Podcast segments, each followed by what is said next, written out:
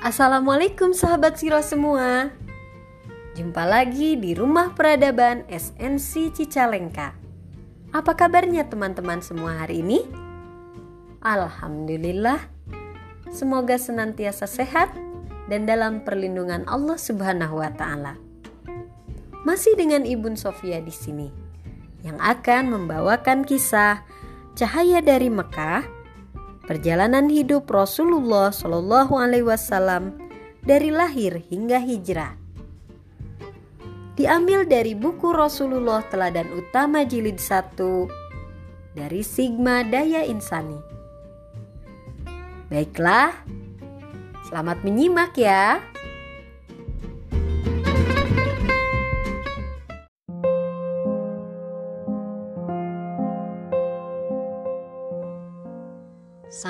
Piatu bersama kakek. Muhammad sampai dengan selamat di rumah ibunya di Mekah. Aminah ibunya menyambutnya senang, sekaligus heran.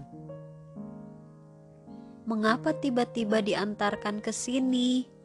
Bukankah dulu engkau yang memintanya? Tanya Aminah kepada Halimah. Ya benar, tetapi aku khawatir beberapa kejadian aneh terjadi padanya. Jelas Halimah. Katakan sejujurnya. Aminah ikut khawatir. Apa yang terjadi? Halimah menceritakan beberapa peristiwa yang pernah menimpa Muhammad serombongan orang Nasrani Habasyah pernah ingin membawanya.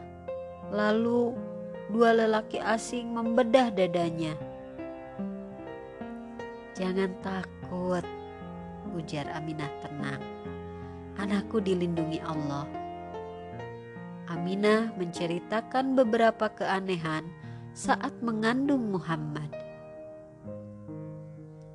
Yakinlah Halimah bahwa anak asuhnya memang istimewa. Kini, Muhammad tinggal bersama ibu yang mencintainya. Seorang hamba sahaya bernama Ummu Aiman binti Sa'labah atau dikenal dengan Ummu Aiman ikut merawatnya juga.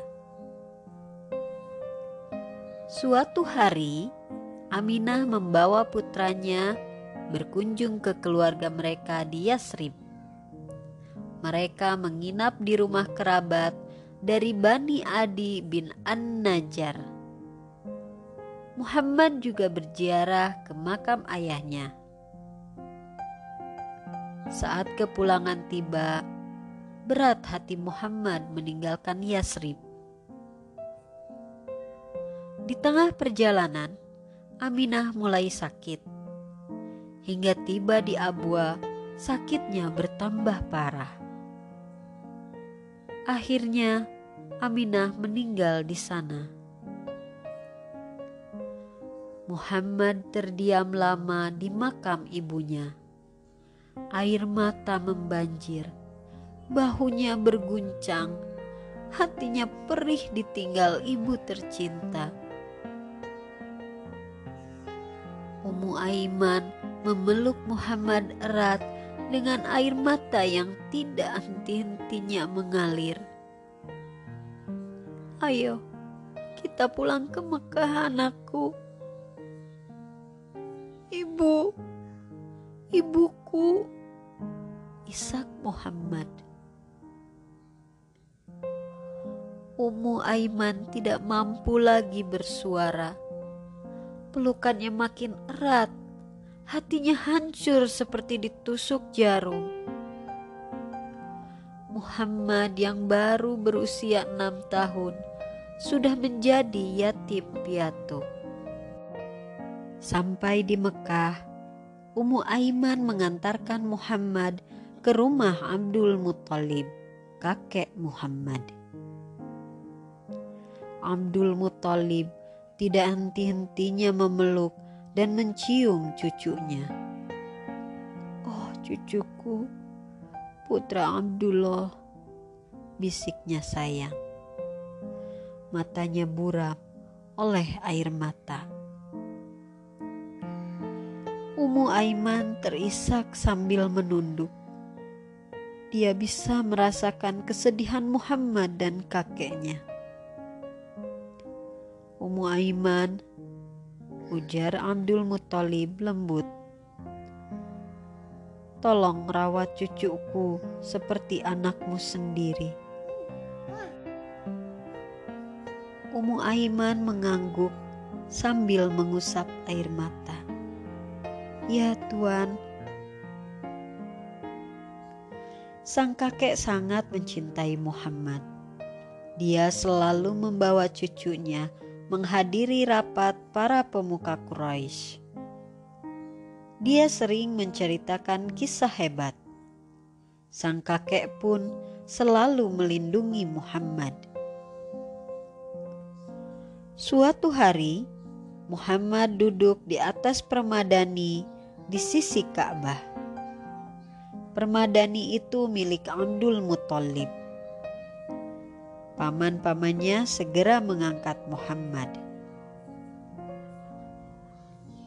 Jangan larang cucuku ini duduk di atas permadani, cegah Abdul Muthalib. Anak-anaknya berpandangan protes. Ayah, tapi demi Allah, sergah Abdul Muthalib. Kelak, dia akan menjadi orang besar.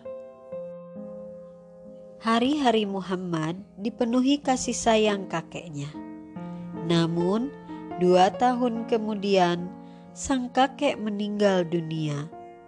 Saat itu, Muhammad berusia delapan tahun. Duh, Betapa sedih hati Muhammad. Kepala Muhammad menunduk dalam, air matanya menderas.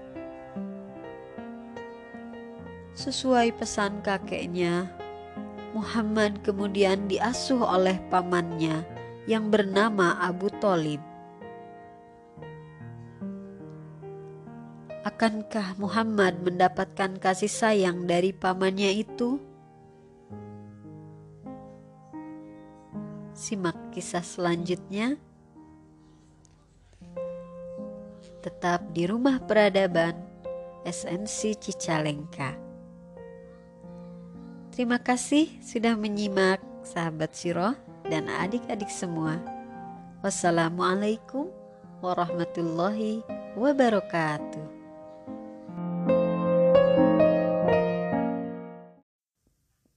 dilarang meratap secara berlebihan.